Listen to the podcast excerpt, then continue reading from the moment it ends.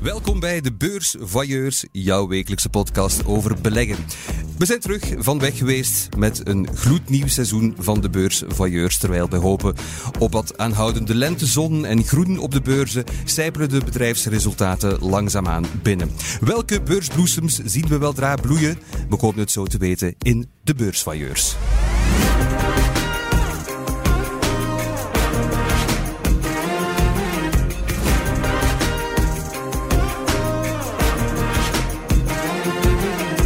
Echt het mooie weer samen met mij mag maken vandaag, dat zijn uh, Elle Vermorgen van de Tijd en Gert Baaklands van de Belegger. Hartelijk welkom allebei. Even geleden eigenlijk, hè? waar zaten jullie verstopt al die tijd? Ja, verstopt, verstopt in de anonimiteit van het uh, krantenjournalistenbestaan. Hè. Verstopt uh, allerminst, er was heel veel beursactua de laatste maanden.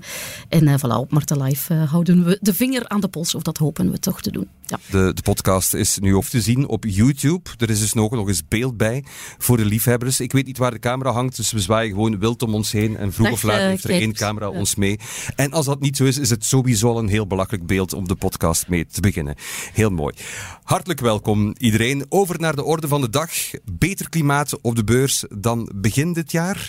Mogen we dat zeggen, Ellen? Beter klimaat, ik vind het misschien net ietsje te relaxed klimaat. Inderdaad, we hebben, allee, het voorjaar is heel woelig geweest, is heel schommelig geweest. Op dit moment hebben we een aantal sterke weken gehad. Ik denk dat de Europese beurzen een aantal mooie eh, weken er hebben op zitten. Met die kleine reserve die ik maak, dat het misschien eh, als het te goed gaat, ja, dat ik dan een beetje zenuwachtig ook weer word. Dat het te goed zou gaan. Gert? Goh, het is zoiets klassiek. Hè? Als de beurzen stijgen, ze stijgen. Iedereen wordt optimistischer. Dalen ze, hè? wordt het goedkoper, dan worden meer mensen pessimistisch. En eigenlijk zou het tegenovergestelde het geval moeten zijn. Maar dat is helaas ja, de psychologie van de beurs. Eh, Het is iets van alle tijden en dat zal, vrees ik, nooit niet veranderen. Ik heb nog nieuws. Het is geen beursnieuws. Vanaf heden is mijn rots in de branding. Elle Vermorgen, Ja, alsjeblieft. ik ben uitermate vereerd. Ik ben eh, super blij, want ik ga heel vaak gewoon huilend aan jou vastklampen als ik weer iets eh, niet snap of zo. Ik heb Dus ik- liever, dat weet ik. dat is heel goed, kijk er enorm naar uit. Maar goed, zoals jullie weten zitten we niet met drie, maar met vier rond deze tafel.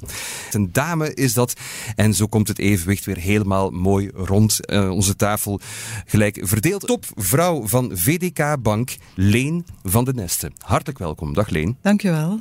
Leen, hoe gaat het? Prima, alles eh, heel goed. Beetje woelig in bankenlandschap, maar eh, met VDK en met mezelf gaat het prima. Dat is fijn om te horen. Je bent juriste van achtergrond. Nu sta je aan het hoofd van, mag ik dat een grote, kleine bank noemen? Oh. Wij noemen onszelf graag een middelgrote bank. Ik Ja, heb voilà, ik gezien dat we de daar, laatste ja. keer in de lijstjes van de tijd eh, bij de nichebanken stonden. Dat vond ik ook wel leuk. Ja. Eh, wat ik absoluut niet leuk vind, is de Europese titel Less Significant Bank. Dat Oh. vind ik En dat klinkt inderdaad, niet eh, goed. dus Dus gewoon, ik ja. ben al blij met middelgroot of niche-speler. In die zin, mikt niche spelen dan op het feit dat jullie toch wel ethisch willen zijn, duurzaam willen zijn als bank? Absoluut. Ja, wij zijn eh, een duurzame ethische bank, eh, waarbij ik toch wil benadrukken dat we binnen de ESG, hè, want duurzaamheid gaat heel vaak over klimaat, eh, maar wij vinden de drie componenten van het ESG-luik heel belangrijk. Dus zowel het ja, ecologische, waarbij dat we toch op de klimaatverandering heel sterk moeten focussen, maar ook de S, het sociale. Wij hebben dus nog kantoren, wij werken echt fysiek met onze klanten samen, vinden we ook heel belangrijk. En dan qua governance, de G binnen ESG, vinden we alles rond transparantie en goede rapportering en dergelijke ook wel eh, heel belangrijk. Dus de drie componenten van het ethisch duurzame bankieren eh, vinden we bij ons eh, terug. Ik hoor dat heel graag, maar ik vraag me wel altijd af, hoe kan een belegger dat eigenlijk precies weten? Ik herinner mij van vorig seizoen dat zelfs de meest donkergroene fondsen helemaal niet zo groen bleken te zijn. Geldt dat ook voor banken, dat je het eigenlijk nooit precies weet? We kunnen alleen maar ons best doen, denk ik, om het heel goed uit te leggen. En dat vind ik zelf eh, heel belangrijk. Wij proberen dus die laatste, wat ik daarnet zei, transparantie, eh, echt wel eh, ja, dagelijks in de praktijk te brengen. Bijvoorbeeld, wij hebben ook zelf een beleggersportefeuille als bank. en die wordt gewoon volledig gepubliceerd op onze website. Veel transparanter dan dat kun je niet zijn. Als dan ook toch iemand zegt van, ja, maar Leen, jij zegt wel dat je duurzaam bent, maar als jij in dat bedrijf belegt, dan is dat toch niet zo oké. Dan gaan we dat echt gaan opzoeken, uitzoeken. En als die persoon gelijk heeft, dan gaat dat gedesinvesteerd worden. Ja. Dat is toch wel een hele grote, denk ik. eh, dus maken wij misschien nog af en toe een fout. Dat zou best kunnen, maar we willen er echt wel op aangesproken worden. En die transparantie, dat is wel een belangrijke in het, eh, ja, in het duurzaamheidsverhaal. Iedereen kan het bij ons komen nakijken, met veel plezier. De bank VDK bestaat al bijna 100 jaar. 96 jaar, als ik me niet vergis.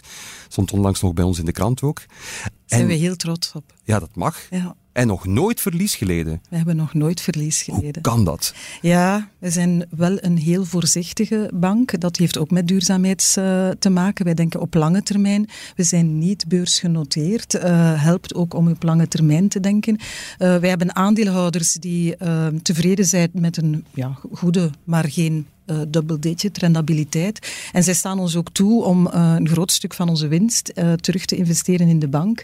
Dus wij hebben een gezonde payout ratio van gemiddeld 40 procent. Maar dat betekent dat 60 procent van onze winst wel elk jaar in de bank blijft. En dat laat ons toe om op een gezonde manier te groeien. Ja. Jullie, zijn, jullie zijn verwant ook met Gent, dat, dat, dat weet ik. Ik weet waar jullie zitten in Gent uiteraard ook. Maar ondertussen ook vertegenwoordigd aan de andere kant van de taalgrens. Want VDK nam in januari Newbie over. Wij namen de klanten over van Newbie. Excuus, de klanten in al, en hun centjes natuurlijk ja, ook, absoluut. want met die klanten alleen ben je niks. Is het een, een andere markt daar? Hoe, hoe, verloopt de verovering van het zuiden? Die verloopt vooralsnog redelijk langzaam, omdat we echt nog volop met de integratie bezig zijn. Maar we gaan er een ferme lap op geven in de maand mei met een uh, gloednieuwe mediacampagne, waar dat we dan ook ons in het uh, Franstalig België uh, ja, marketeer, marketing gaan doen. dus we verwachten er heel veel van. Is het een ander landsgedeelte? Misschien wel. maar we hebben wel het gevoel dat er uh, heel veel um, appetijt is om naar een duurzame bank over te stappen. Dus er is daar echt toch wel uh, onontginnen gebied voor een bank zoals VDK Bank. Het was echt de bank die daarmee uitpakte in het Frans landsgedeelte om duurzaam en ethisch te zijn en ze heeft het niet gehaald. Wat betekent ja. dat? Ja, dat betekent vooral, uh, en, en ik denk dat we dat moeten betreuren. Uh, ik denk in het geval van Newbie dat het vooral betekent dat het heel moeilijk is om een bank op te richten in België, zelfs in Europa, uh, omdat de regelgeving bijzonder pittig is. De eigen vermogensvereisten zijn ook bijzonder hoog. En ik denk dat we daar allemaal blij om, mogen om zijn.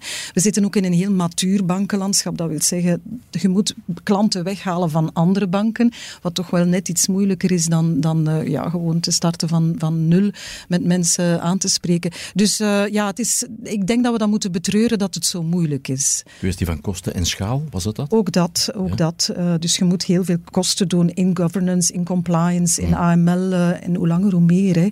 Hè. Dus ik las dat een bank alle beleggersclubs aan de deur zet en dat heeft met AML-problematiek en dergelijke te maken. Ik denk dat we dat moeten betreuren, maar ik zou wel niet graag hebben dat het helemaal uh, de schuld van de banken wordt genoemd, want dat is het dus echt niet. Um, het zijn de regelgevers die streng zijn, voor een stuk terecht uh, streng zijn. Maar als we dan natuurlijk het kind met het badwater op een aantal gebieden gaan weggooien, mm -hmm. dan, dan moeten we dat toch een beetje betreuren. Dus ik denk dat we een beetje moeten zoeken naar een nieuw evenwicht. Natuurlijk, um, ja, terrorisme, financiering, drugsgelden en zo. Ja, we moeten, daar, we moeten daar allemaal akkoord mee zijn dat we dat bestrijden. En, en dat is het evenwicht dat we moeten zoeken. Dus we moeten ja, een stukje die kost betalen eigenlijk. Jullie investeren ook in een heel erg mooie duurzame ploeg, namelijk de Buffalo's. die had ik niet voelen aankomen. Uh, maar wij sponsoren dus inderdaad de Buffalo's die uh, ja, aan een goed seizoen bezig zijn. Uh, vorige week 1-1 tegen West Ham gelijk gespeeld. Ik denk dat niemand dat verwacht had. Dus daar zijn we heel blij mee. En hopelijk zondag een ticketje voor play-off 1. Maar ik hoor, ik, allemaal duimen. Ik, ik hoor hier behalve een, een sponsor toch ook een supporter van de Buffalo's. Ja, had u mij dat 15 jaar geleden gezegd, ik zou u nooit geloofd hebben. Maar nu ga ik dus elke twee weken met veel plezier gaan supporteren voor die ploeg. Ja. Dus uh, ik, ik ga nog niet zeggen dat ik het helemaal perfect ken, het voetbalspelletje, maar het, ik vind het wel leuk. Ik vind het leuk om naar te kijken. Het is ook een echte volkssport, uh, dus uh, het was heel leuk vorige week donderdag weer 20.000 man in het stadion. Dat was geleden van voor corona, dat het nog eens volgezeten had. Ja. En dat geeft toch direct een hele, echt een toffe sfeer gewoon. Ja. Leni, je bent een mama van drie. Uh, ben je al, al bezig met die financiële geletterdheid uh, in te lepelen bij jouw kroost? Maar nog niet. Ja. Nou, die zijn al wat ouder, hè, Thomas. Ah, ja. Die moeten dat nu wel allemaal al kennen. Hè. Ah, ja, ben want ik al moet mee heel bezig, op tijd aan beginnen aan beleggen. Absoluut, daar ben ik al mee bezig van als ze ja, middelbare school begonnen. Zijn ze daar vlot in meegegaan of is dat zoiets van, oh ja, moeder, ja, van dat beleggen en al? Goh, ik, uh, ze, ze, doen het alle drie, dus dat is okay. al een, uh, ja. een pluspunt. bij de jongste, die, de, die twintig is, dus die, die, die echt een digitaal kind kind is. Ik vind dat Mhm. al een groot verschil. Mijn oudste is 27, die zeven jaar verschil. Dat is dus echt op vlak van ja, die digitalisering toch een groot verschil. Eh, die jongste heb ik toch wel wat eh, moeten uitleggen dat ehm, onder jongeren vooral over de winnenden gesproken wordt, maar niet over de verliezers. Eh, en dat dus iedereen zegt, ik heb zoveel gewonnen, maar dat niemand ooit zegt, ik ben zoveel geld verloren. Ehm, en dus, want zijn, zijn vriendjes gingen in crypto en, enzovoort, enzovoort. En daar heb ik toch wel wat uitleg, want ze hadden daar zoveel geld mee gewonnen en ik, wou, ik wil dat ook doen, mama. Dan heb ik toch... eh, Een stukje de gamification. ja, ja, zo'n beetje gevaarlijk. goed. Ja, dus eh, Ja, daar heb ik wel wat eh, uitleg eh, over De plek waar ze het kunnen liken, ook de aandelen waarschijnlijk. Ja, dat is ook zo. Hè. Maar ik denk dat we daar toch wat voorzichtig moeten in zijn en, en inderdaad zoeken naar de manieren. En dat bezorgt mij een beetje, want ik doe dat nu wel en jullie waarschijnlijk ook alle vier. Ehm, maar ik denk dat niet elke ouder dat ook voldoende interesseert om dat goed over te brengen aan kinderen. En dan is het risico wel dat ze door die gamification en door die peer pressure van de, de, de vrienden in de klas en dergelijke toch eh, verkeerde beslissingen nemen. En, en dat is dan toch jammer als het spaargeld eh, Ja. ja, op die manier een stukje weg, Ja, ja, weg, eh, of de, verdiensten van een vakantiejob die in de hoop Bijvoorbeeld, of zo. Voor dat soort dingen wil je hen eh, behoeden. Maar ik denk dat jouw kinderen dan aan de bron zitten van eh, gedegen advies. Hè. Dat zou, best. Ellen. Ja. Dat is een meevaller. Goed, eh, heel fijn om je al behoorlijk te leren kennen. Eh, Beste Leen, straks komen we nog veel meer te weten. Natuurlijk, eerst en vooral gaan we over naar de beursblik. De beursblik. Want ja, het is tijd om ons oor te luisteren te leggen bij onze experten hier. Waar zouden ze het graag met ons over willen hebben? Wat deed de beurzen daveren deze week en waar lagen misschien wel de opportuniteiten? Dat horen we graag. Nu laten we met jou beginnen, Ellen. Zeer graag. eh. Waar wil je het over hebben? Wel ja, een, een topic dat mij erg toepasselijk leek voor onze gasten vandaag. En dat is dat we midden in de kwartaal-updates zitten. Ehm, die zijn wat sumierder dan de halfjaarcijfers en de jaarcijfers. En bij gevolg wat minder werk, gelukkig, voor eh, journalisten. Maar bedrijven eh, geven volop een stand van zaken momenteel over het eerste kwartaal. En zo ook de banken. En dan is het mij opgevallen, er zijn er in de VS een aantal de revu, revue gepasseerd. En we hebben aan de start van het... e- Van, maart, dus nog in het eerste kwartaal, heel dat tumult gehad rond eh, een aantal banken in Silicon Valley en Credit Suisse, die die sector eh, op de grondvesten hebben doen daveren. Hè. Dat is goed contained geworden, dat is goed eh, bezworen geweest, gelukkig. Maar we voelen dat nu voor het eerst in die kwartaalcijfers. En wat blijkt, dat de grote jongens daar garen bij spinnen. Dus JP Morgan, Wells Fargo hebben we vrijdag gehad. Dat waren splendid resultaten. Dat was Allee, een winstgroei die niemand verwacht had, meer netto rentebaten. Wat wil zeggen ja, dat zij hun voordeel doen van extra deposito spaarinlagen die zij binnenhalen van die kleinere banken. Daar is toch een vertrouwensbreuk in ontstaan. Je ziet dat kleinere banken zijn bij ons misschien niet zo bekend, maar ze noteren ook op de beurs, bijvoorbeeld een Charles Schwab of State Street, dat daar toch een exodus heeft plaatsgevonden eh, van klanten van spaartegoeden richting die grote jongens met de gedachte van, van klanten van daar zijn we veiliger af. Eh, of En daar is dat, is, minder... dat een verkeer? Klopt dat niet? Ben je Ehm, niet veiliger bij? Anders, ja, Credit Suisse is nu ook niet bepaald een kleine Nee, bank. ja, we hebben al systeembanken gehad die, eh, die eh, ja, in slechte papieren zijn geraakt. Dus Maar los daarvan, is, het, is dat de logica Maar van, ga maar naar een grote bank? Ja? Ja, vertrouwen blijft, blijft de spil in die sector. Zonder vertrouwen ben je in de bankaire sector niks. En dan valt het me op dat eh, er toch een vertrouwensbreuk is in de kleinere instellingen, die ten goede komt aan de grote powerhouses op, op Wall Street, de grote banken. En dan, ja, voilà, Narleen is dan, jij, jij zit hier in het, in het andere spectrum, en je zegt zelf een, nichebank. Ja, is dat een gevaar dat hier ook heerst? Dat we toch meer klanten eh, gaan zien vertrekken naar de grote spelers ten koste van, eh, van jullie? Goh, ik, ik weet niet of het gevaar het is. Het zou in elk geval niet goed zijn. Ik denk dat we gebaat zijn allemaal eh, bij een divers bankenlandschap. En ik denk instellingen die too big to fail zijn, want daar gaat het dan toch vaak over. En dat is dan een beetje het verhaal van Credit Suisse bijvoorbeeld. Ehm, ja, ik denk niet dat we dat als maatschappij moeten ambiëren om dat te hebben. Dus eh, ik denk ook dat de regels in Europa eh, dermate streng zijn dat het eigenlijk weinig uitmaakt. Wij hebben allemaal bepaalde limieten op vlak van liquiditeit. En de meeste crisissen zijn liquiditeitscrisissen. Zo ook bij SVB bijvoorbeeld, hè, Silicon Valley Bank, eh, die zorgen had op, vlak van liquiditeit. Ehm, maar we hebben dermate strenge regels op vlak van liquiditeit, rendabiliteit, solvabiliteit, dat ik denk dat het in Europa eigenlijk weinig rol speelt. We hebben ook allemaal de depositogarantiesystemen systemen, uh, waarvan we nu wel gezien hebben dat uh, zowel in de Verenigde Staten als in Zwitserland, dat iedereen eigenlijk zegt, we gaan gewoon alle deposito's dekken en niet alleen de laagste bedragen van mm -hmm. 100.000 euro. Want in de VS heb je 250.000, een van de gulste depositogarantiestelsels ter wereld. En toch is er daar toch ook uh, een en ander... ja, maar SVB was vooral een bank waar de grote corporates, of dus, dus de, de start-ups en, en ja. uh, terechtkwamen met grotere bedragen. Zij zetten daar hun cash. Uh, en als ze die nodig hadden, wat eigenlijk gebeurd is, dus eigenlijk die tightening van, van cash uh, door de centrale banken, die ervoor gezorgd hebben dat dus die spelers hun geld gaan ophalen zijn bij SVB. Hmm. Een bank belegt natuurlijk de middelen die zij binnenkrijgen van hun klanten op langere termijn. Ja, dat is natuurlijk de transformatie die eigen is aan de banksector. maar als er dan grote sommen afgehaald worden, ja, dan, dan kunt je wel eens met je liquiditeit struggelen. Dat is denk ik een risico die zeker bij retailbanken, zoals VDK-bank, eigenlijk uh, geen, geen effect kan geen hebben. effect heeft. Ja. Dat is bemoedigend uh, ja. om dat te horen. Ja, omdat je ook nieuwe honden in dat kegelspel ziet. Hè. Wat mij opviel deze week, oké, okay, het is niet in Europa van toepassing, maar Apple. Apple komt met een spaarproduct uh, op de markt in samenwerking met Een voor de dorst. Een appeltje voor de dorst. Ja. ja. ze kunnen het al direct marketen, Thomas. Ze hebben al de ideale slogan Dat is 100.000 euro, alsjeblieft. Maar zij bieden dus... Een, ah, voilà, we gaan een factuur opsturen. Maar zij bieden dus een spaarrente van 4,15 procent, wat eigenlijk astronomisch is. Het is vier keer het marktgemiddelde in de VS. Dus ja, dat is ja, waanzinnig. Hier in Europa is dat misschien ook op til. Techbedrijven die zich als, uh, als depositokas gaan profileren, uh, kijken jullie daar ook naar, uh, naartoe? Wij kijken daarnaar, wij volgen dat een beetje. Ik heb het ook gelezen in de krant. Uh, wij hebben een hele andere benadering. Hè. Wij zijn echt een face-to-face bank. Wij gaan in gesprek met onze klanten, zowel met de retailklanten als met de grotere organisaties. We vinden dat ook belangrijk, dat we elkaar begrijpen. Ik denk dat dat in dat soort instellingen... Goldman Sachs zeker, hè, die de bank, die ja, de Goldman bank Sachs gaat, uh, ja. gaat doen. Hè. Ja.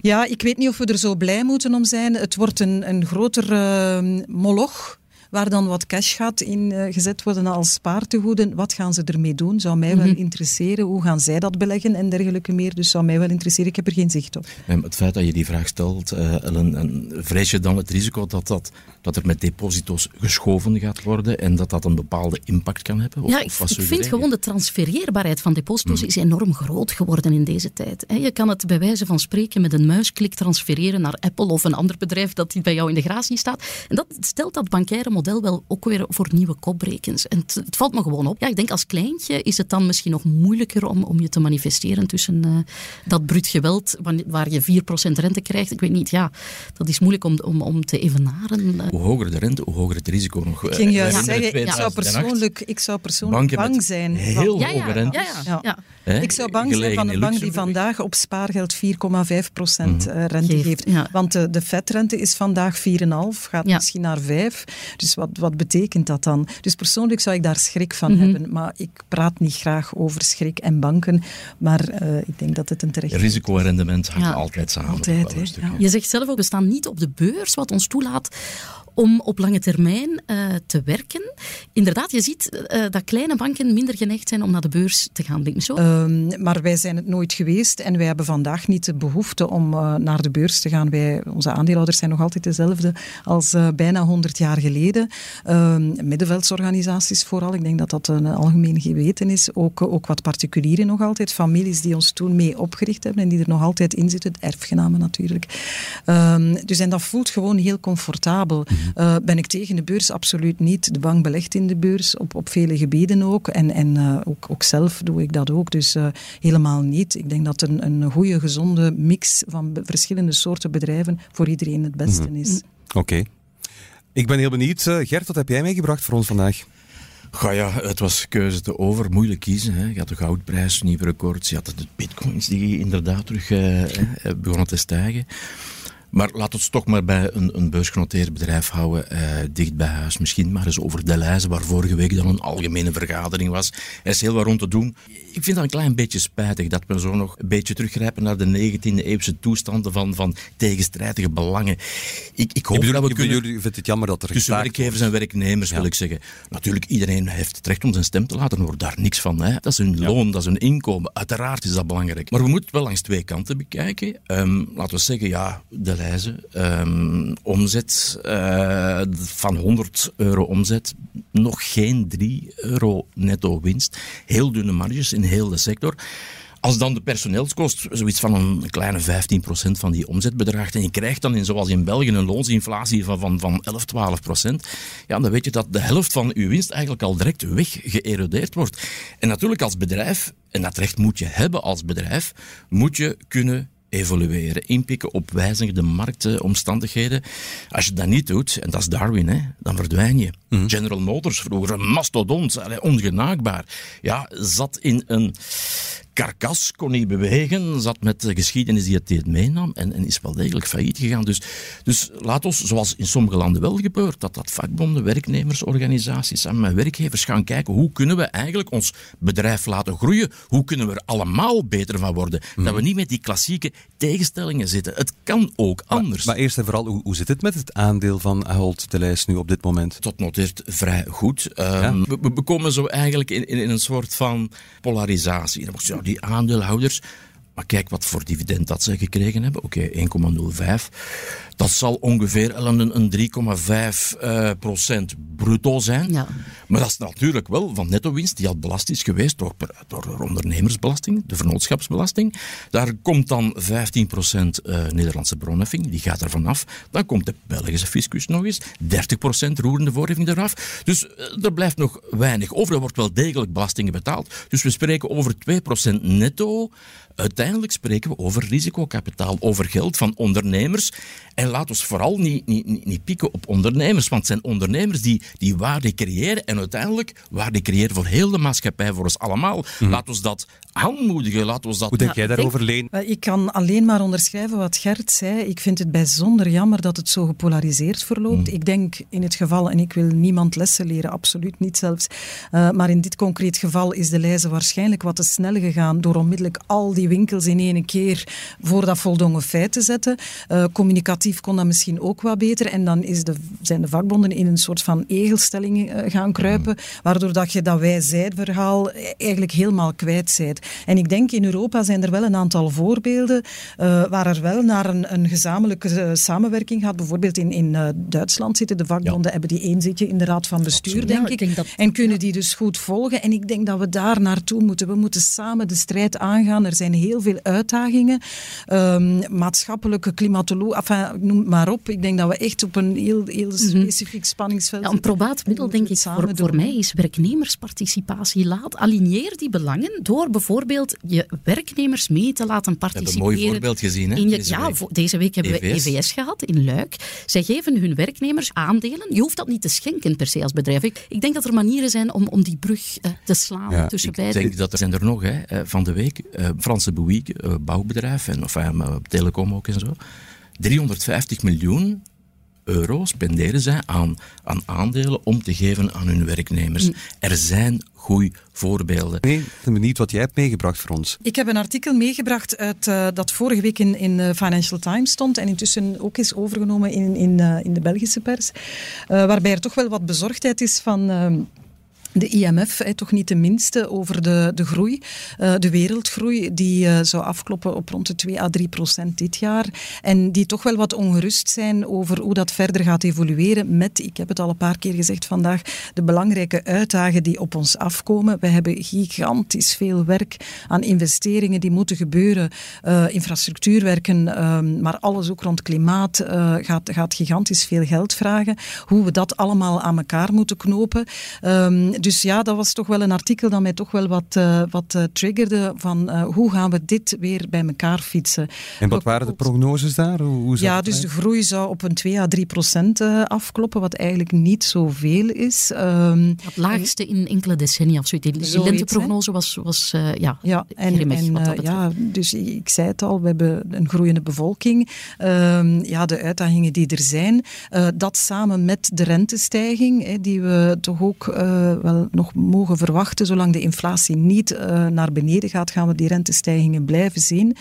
Um, ja, ik denk dus dat we toch wel wat bezorgdheden hebben over volatiliteit. Dat is misschien iets dat we nog niet besproken hebben, maar het laatste jaar, Gert, jij zal dat kunnen beamen, zitten wij in een periode met gigantische volatiliteit op de markten. Zowel obligatiemarkten als aandelenmarkten. Obligaties vooral. Obligaties ja. vooral, ook door de gestegen rente. Um, ja, en dus dat, dat maakt het ook allemaal wel wat moeilijker om, om die investeerders appetijt te laten hebben, volatiliteit volatiliteit hebben we meestal, ook de banken bijvoorbeeld, hebben dat niet zo graag. Hè. Ehm, dus ja, het is, het is een beetje een, een ik vind het een, een moeilijke mix voor het ogenblik. Beste Leen, het moment is er gekomen om toch eens iets dieper in jouw portefeuille te duiken. Ja.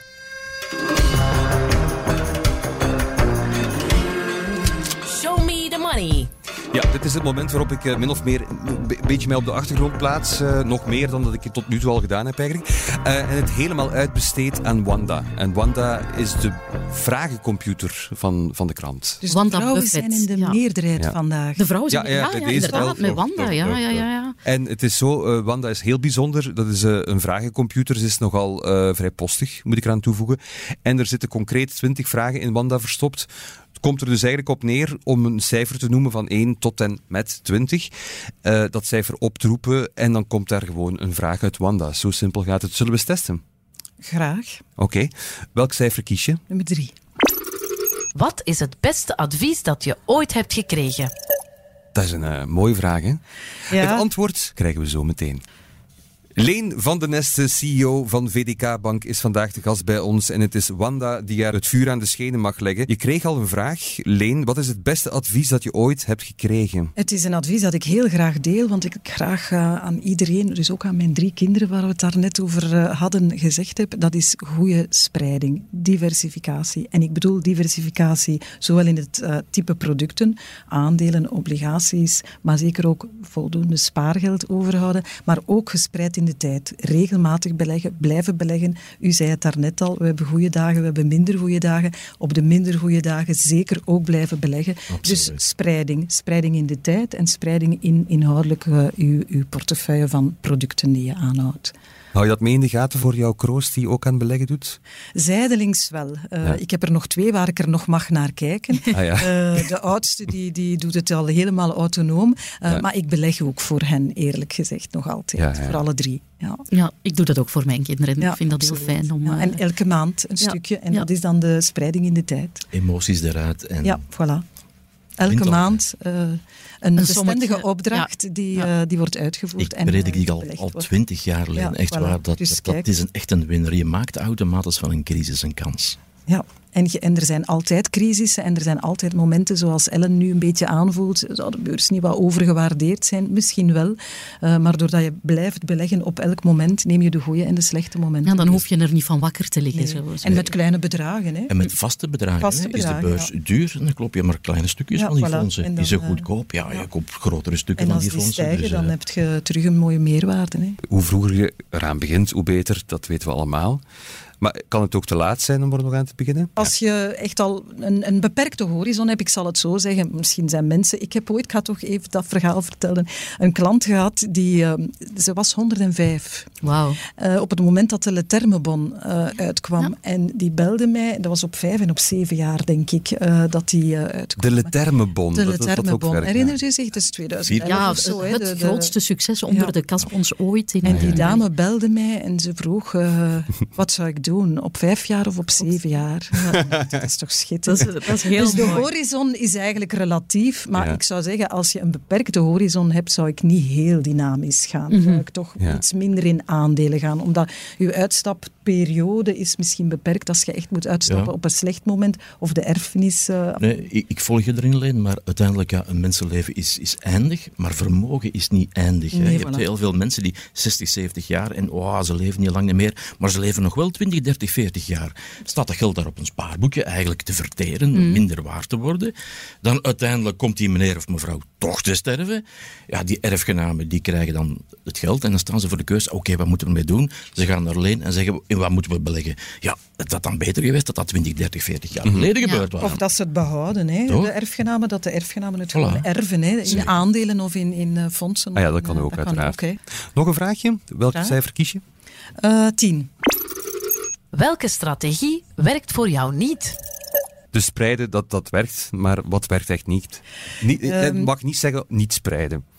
Ja, ik denk individuele aandelen doe ik eigenlijk niet. Eh, we doen dat eigenlijk bij de bank ook niet. En ik doe dat ook als persoonlijke eh, investeerder ook niet. En de reden waarom, ik ben dus absoluut niet tegen individuele aandelen.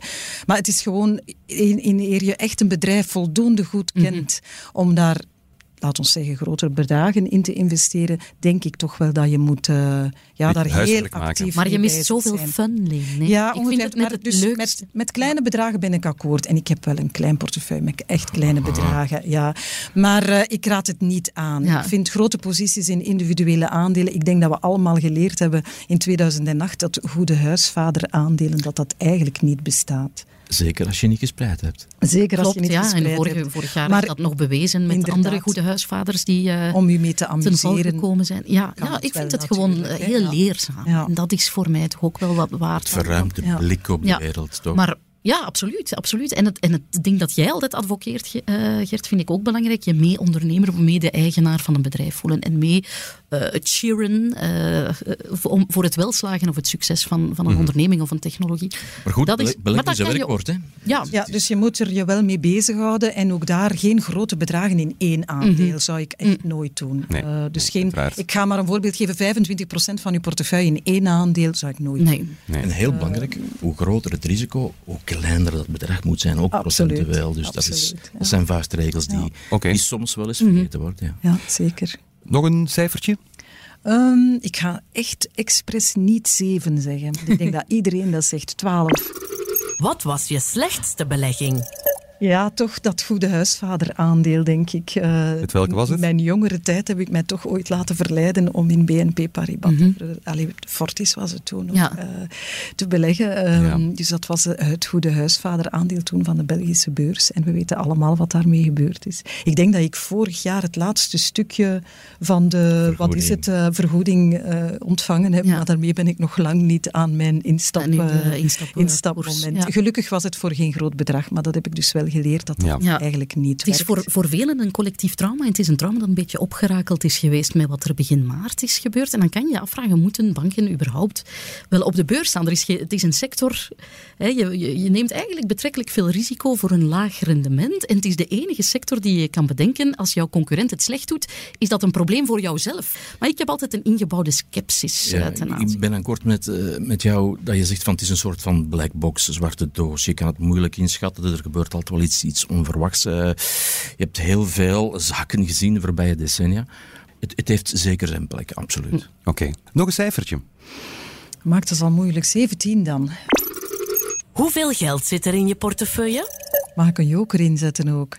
Ja, het is Wanda, hè. Je kent ze nog niet alleen, Ga maar... ik toch eh, maar doen. iedereen ik wil het wel over de bankportefeuille hebben. Ik ben een eerder defensieve belegger.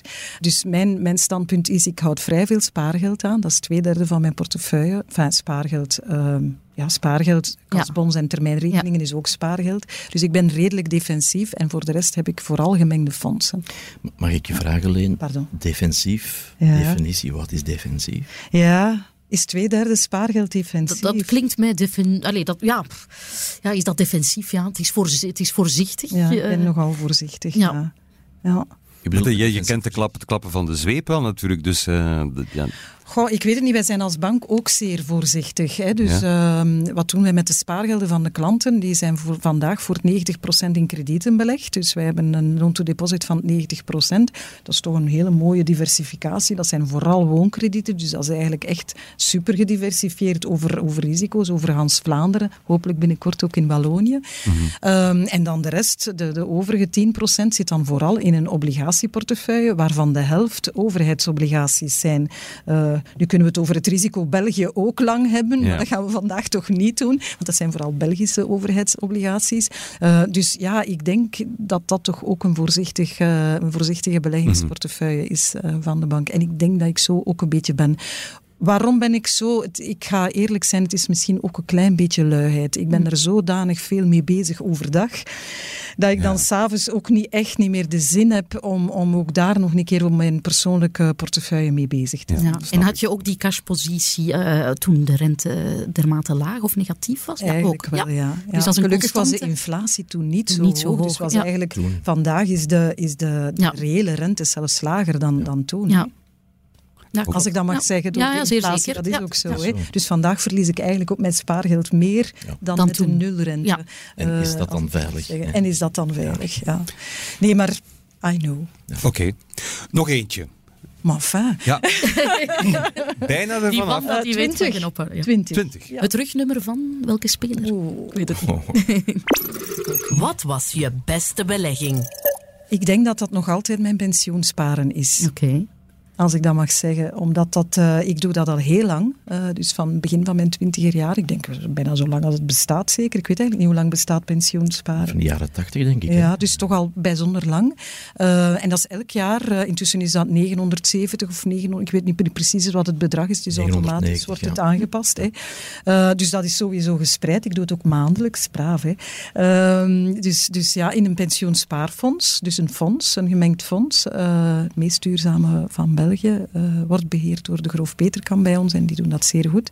Ehm, en vadertje staat betaalt een beetje mee aan het rendement. Eh, Mhm. Dus ik denk dat dat nog altijd mijn beste belegging is. eh, ook redelijk risicoavers. Mhm. Dat is een keer tof om te horen. Hè. Ik denk dat er weinig in dat pensioensparen, voilà, terug... eh, Ik vind dat in iedereen het- dat in het moet voetlicht doen. zetten, Eh, als, ja. allee, ik vind dat echt iedereen, enfin, tenzij dat echt mensen zijn met een bijzonder laag inkomen die zelfs dat bedrag Nee. niet aan de kant kunnen zetten. Dat, dat, dat is alle eerste. hè. Dat is Ja, het eerste dat je Maar dat is doen. eigenlijk het Ja. eerste. Dan, ik denk dat dat echt het eerste is dat je moet doen. Het Thomas, dat, doet jij toch, dat doe jij toch ook? Ja, dat doe ik ook.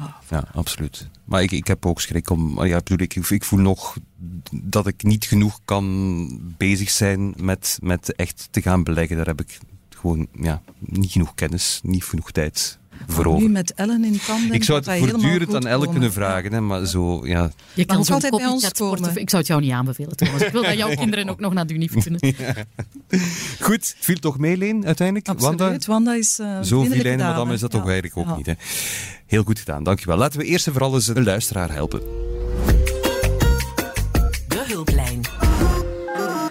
U weet ons altijd weer te vinden, beste luisteraar, en dat stemt ons zeer tevreden, want we zijn er voor u. Om jou te helpen. Deze week heet onze luisteraar Robbe. Dag Robbe. Hallo. Hallo, dag Thomas. Alles goed, Robbe? Jazeker. Jij klinkt heel jong. Kan dat? Ja. Ja, ja, ik ben 24 jaar en ik ben nog student ook. Ah, fantastisch. Wat, wat studeer je? Ehm, journalistiek. Oh, heel mooi. En je doet Ja. ook aan beleggen, Robbe? Ja, eh, een klein beetje. Allee, in de mate dat ik kan als student. Ja. Maar toch goed, ja, we hebben het hier al meer dan genoeg gezegd. En vandaag nog eens een keer, eh, als je er op tijd aan begint, alleen maar, alleen maar winst natuurlijk. Heel straf. Op, op welk aandeel ben je zoal het trotst? eh, ja, in de veronderstelling dat je in aandelen investeert? Ehm Enphase. En Face. En Face. Dat staat op eh, de beurs van New York, denk ik. hè? Nee, is dat een... eh, Ik zie hier iedereen echt verbaasd. energie, ik denk iets energie Ja, eh, gerelateerd. inderdaad. Ja.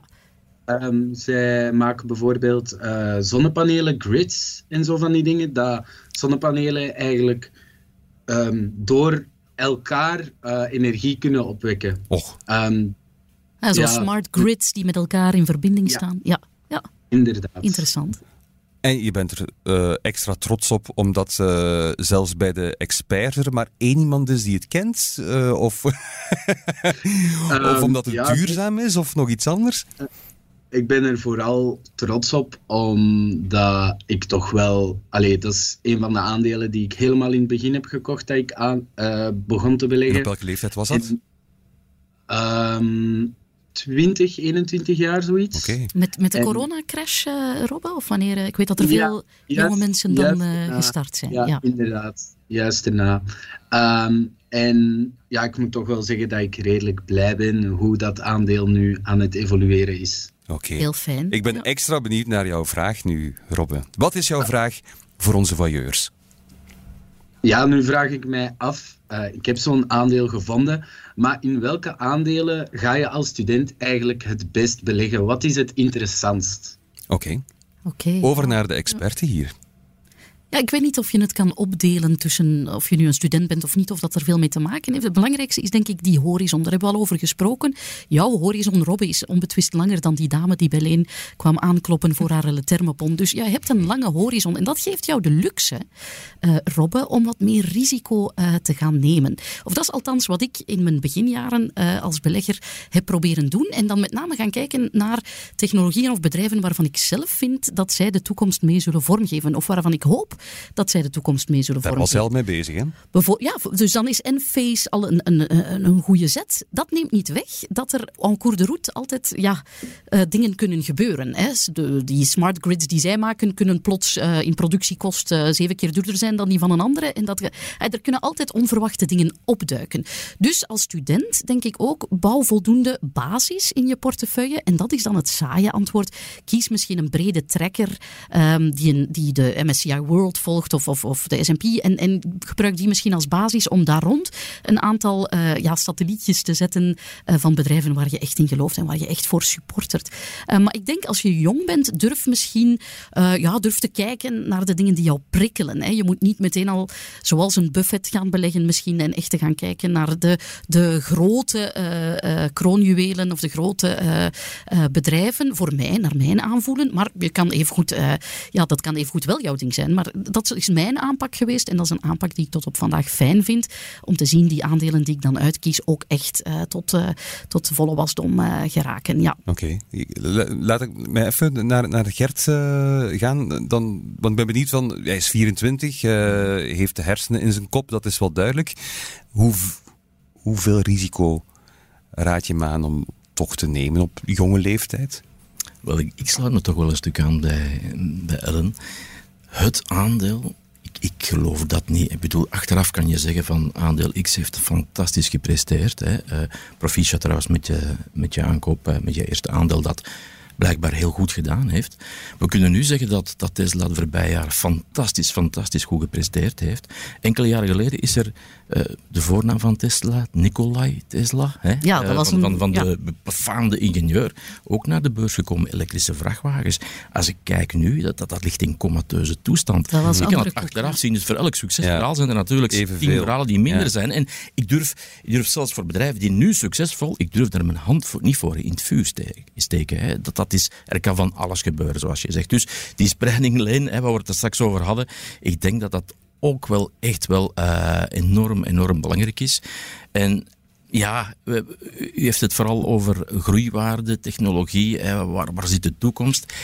Ik stel maar vast dat op de beurs ook groei, verwachting, dat er verwachtingswaarde in zit. En vaak dus ook hogere waarderingen. Natuurlijk, na verloop van tijd en die groei komt uit, dan, dan kan dat heel goede kopen achteraf nog blijken. Maar het moet nog maar gebeuren. hè. Eh, en die glazen bol heb ik helaas niet. Ik, ik, ik, ik denk eigenlijk niemand niet. En ik denk dat het inderdaad dan verstandig is om te kijken van eigenlijk te beleggen zoals niet omdat je jong bent of, of, of 30 of 40 of, of nog ouder. Nee, eigenlijk beleggen zoals iedereen zou moeten beleggen. Met, met gezond verstand, met, met, met, met eh, gouden vuistregels. Van hoe hoger het risico, hoe, hoe kleiner het bedrag hè, dat je belegt. Eh, komt dat die belofte uit, dan zal het alsnog de moeite zijn geweest. Faalt het, ja, dan, gaat het, dan mag het eigenlijk het rendement van uw totaalportefeuille eigenlijk niet, niet, Niet te veel doen. pijn doen. Ja. Ehm, Maar kijk bijvoorbeeld, sorry, het klinkt heel saai, ik weet het en mijn excuses daarvoor, maar ik kijk toch naar opbouw van portefeuille, toch ook naar fondsen. Ehm, ja, je had het over trekkers, Ellen. Inderdaad, dat- dat zijn passief- Pensioensparen? passief Doe je, doe pensioensparen, Robbe? Doe je pensioensparen? Ik kijk nog Dat even naar zal voor hem nog eh, iets minder interessant zijn, omdat Ehm, ik denk nee, dat hij nog nee, niet werkt. Hè. pensioensparen Ja, nee, maar je bent aan het ja. studeren. natuurlijk. Maar zodra Ja. je begint te werken, Rob, eh, Ja, pensioensparen. voilà, Ja. dat is misschien... Zeker en vast. Ja. En dan die holdings toch, allee, kijk er toch ook naar. Maar ze noteren nu op dit moment aan een eh, grotere korting dan historisch gezien, laten we zeggen. Dus eh, je koopt iets en je, je koopt het met korting. En zelfs bij holdings heb je er die focussen op groeiaandelen. En Ja. die ook nog eens met een korting noteren. Dus, allee, kijk naar daar en heb je die, die, die spreiding toch. Want het beste bedrijf ter wereld kan van vandaag op morgen failliet gaan. En goed, Warren Buffett die zegt van kijk, eh, als je belegt, eigenlijk moet je, moet je, stel als de beurs vijf of tien jaar zouden sluiten, hè, dat je niet ongerust mag zijn. Dat is, dat is natuurlijk, ja, dat is een boeta, dat is heel gemakkelijk gezegd. Je moet dat ook nog concreet kunnen, kunnen maken. Maar daar komt toch echt wel die spreiding eh, aan te pas. Ja. Over veel, maar met focus. Je moet accenten kunnen en willen en durven leggen. Eh, absoluut zeker. Maar ah, ik geloof niet in een top 1, 2, 3 of zoiets. Dat bestaat echt niet. Oké, Robbe, doe je aan fondsen ook? Ja, ik heb één ETF op dit moment. Ik hoorde jullie ook praten over ehm, wat zekerheid inbouwen. En voor mij zijn dat dan bijvoorbeeld bedrijven zoals Microsoft die ik heb, Apple, omdat ik daar wel allee, de komende zoveel jaar in geloof. Dus voor mij zijn dat wat mijn houvasten, zeg maar. Van ETF heb ik MSI World. Ja, nee, dan denk ik dat je al qua, qua spreiding al, bezig, al, al heel, heel mooi eh, bezig bent. Ja, Robbe, zeer echt al, al uw punten hier. Dat is wel echt heel goed. Hè? Eh, ben je blij met het antwoord? Ben je gerustgesteld? Ja, zeker. Eh, dank u wel voor het antwoord. Bedankt voor jouw vraag. En eh, altijd welkom om nog eens een vraag te stellen als je er nog in hebt. Dag En Robbe. als je journalistiek studeert, Oké. Robert, een warme oproep om ook eens eh, in de financiële journalistiek te snuisteren. Want dat is een boeiende materie die vaak een beetje overlooked wordt, vind ik. Door Ik ruik hier al een halve open sollicitatie van, van een journalist naar een student. Het is bijzonder, Robbe. Tot binnenkort dus eigenlijk. Hè? Oké, hopelijk. Jo, tot Dag. Dag Robbe, dag. Goed, heeft u zelf ook nog een vraag voor onze beursvailleurs? Aarzel vooral niet om ze te stellen. We zijn er voor. podcast.tijd.be, daar kan je terecht. Even tijd om vooruit te blikken naar volgende week. De blik vooruit. Ellen, waar kijk jij volgende week naar uit? Yes, eh, wel, volgende week, ik moet even denken, heb ik een interview gepland met de CEO van Biocart. Het is een nieuwe man die daar eh, aan de top komt, een Amerikaan. En dat is iets waar beleggers, ik wil nu niet te veel afbreuk doen aan de voorganger, maar wel naar uitkeken. Een, wissel van de wacht. Bij Biocart is dat aandeel is enorm afgeslacht in de jongste jaren. Ook omdat zij allerlei verwaterende financiering eh, aan boord hebben gehaald. was nogthans een beloftevolle technologie. Zij maken kleine labootjes waarmee je heel snel diagnoses van allerlei aard kan maken. Ja. En ik vraag me af, is die nieuwe man, ik kende hem niet op voorhand, maar hij heeft blijkbaar eh, allerlei merites in de biopharma. Hij heet Roger Moody. Dus ik ben benieuwd eh, hoe die eh, aan de start komt. En ook misschien of die Biocartis intussen goedkoop genoeg vindt om zelf ook eens aan de koopzijde te gaan staan. Want dat hebben we lange tijd gemist bij Biocartis. Er was geen enkele insider aankoop, hoewel dat aandeel verworden was tot een centjesaandeel, zou je denken. die insiders gaan daar ook massaal beginnen aankopen. Dat is niet gebeurd onder de voorganger. Ik ga toch eens vragen of die meneer Moody het geen tijd vindt eh, als die dan toch vastberaden is om Biocartis. En in zichzelf gelooft ook wel. Voilà, exactement. Ja, dus kan- dat kan eh, een zullen enkele vragen zijn die eh, op mijn lippen branden als ik naar Mechelen ga. Ja. Oké, Gert, waar kijk jij Oh, naar uit? Iets wat saaier voor mij, maar heel veel bedrijfsresultaten. En ik ben geen ochtendmens. Maar als er dat seizoen, of van je weet dan, bedrijf X, Y, Z eh, komt met cijfers en die komen vaak rond 7 uur al. En dan kom ik toch heel graag mijn bed uit, want je wilt dat weten en, en je wilt die cijfers zien en analyseren. Gert. Dus Ja. dat doet een mens toch, ja, moet niet beginnen wenen. Nee, maar dat is schattig, want je, je, Nee, nee. je lijkt een kindje dat, dat, Ja, dat naar een ja, schoentje ja, loopt ja, omdat de ja. cent er En- iets in nee, nee. gegooid heeft. Dus dat is En, prachtig. en dat is ook fantastisch. En we kijken ook van alles uit. Hè. Woensdag hebben we voor de eerste keer DB Live, een interactief onderhoud met onze abonnees. Eh, het weekend erop vertrek ik met mijn vriendin naar, naar het, hoe noemt dat, het Bloemenhof in Nederland of zo. Oh, de tulpen zien. Ja. Dus een beetje van de natuur genieten en van de bloemenpracht. En, en Dat klinkt als een Ik goed ben gespreide toekomstlag. week. Ja, Thomas, ik Ja. ben een gelukkige mens. Dat is prachtig. Dat is heel mooi. Leen, waar kijk jij naar Wij uit? hebben een beetje een bijzondere week, want ik ga aan de vreugde van Gert toevoegen. Wij komen op vrijdagavond met onze algemene vergadering, dus ik hoop dat we op zaterdag in de krant staan met een leuk artikel over onze resultaten. Dus eh, voilà. Dat is genoteerd dan. En een pronostiekje voor Gent van het weekend. Absoluut eh play-off 1 halen. Play-off hè. 1 Dus halen. En Winnen met welke tegen? Oostende. Hmm, 1-0 is voor mij genoeg, maar ik denk dat het beter Het zal kan een walkover Ja, worden tuurlijk misschien, wel. wie weet. Ja. Beter gaat. Dank jullie allemaal. Goed, dit was het voor vandaag. Ik bedank onze beursvailleurs van dienst uiteraard. Ellen Vermorgen, Gert Bakelands en natuurlijk ook onze bekende vailleur Leen van de Nesten. Het was heel fijn. Dankjewel, Leen. Grote dank aan onze luisteraar Robbe voor zijn eh, fijne, boeiende vraag. En volgende week zijn we opnieuw met opnieuw een bekende voyeur die nog niet al te veel prijs wou geven, behalve dit. Graag tot volgende week. Hallo, beursvailleurs. Ja, ik ben blij dat jullie er weer zijn. Amai, die pollen. Gelukkig zit ik in de farmasector en dus eigenlijk aan de bron om er iets aan te doen. Dat natuurlijk als ik niet met kunst bezig ben, want dat interesseert mij ook zeer. Allee bon, meer daarover volgende week. Dag! Dit was de Beursvoyeurs. Presentatie door Thomas de Soete, productie door Anne-Sophie Moerman. Mis het beursnieuws niet op tijd.be.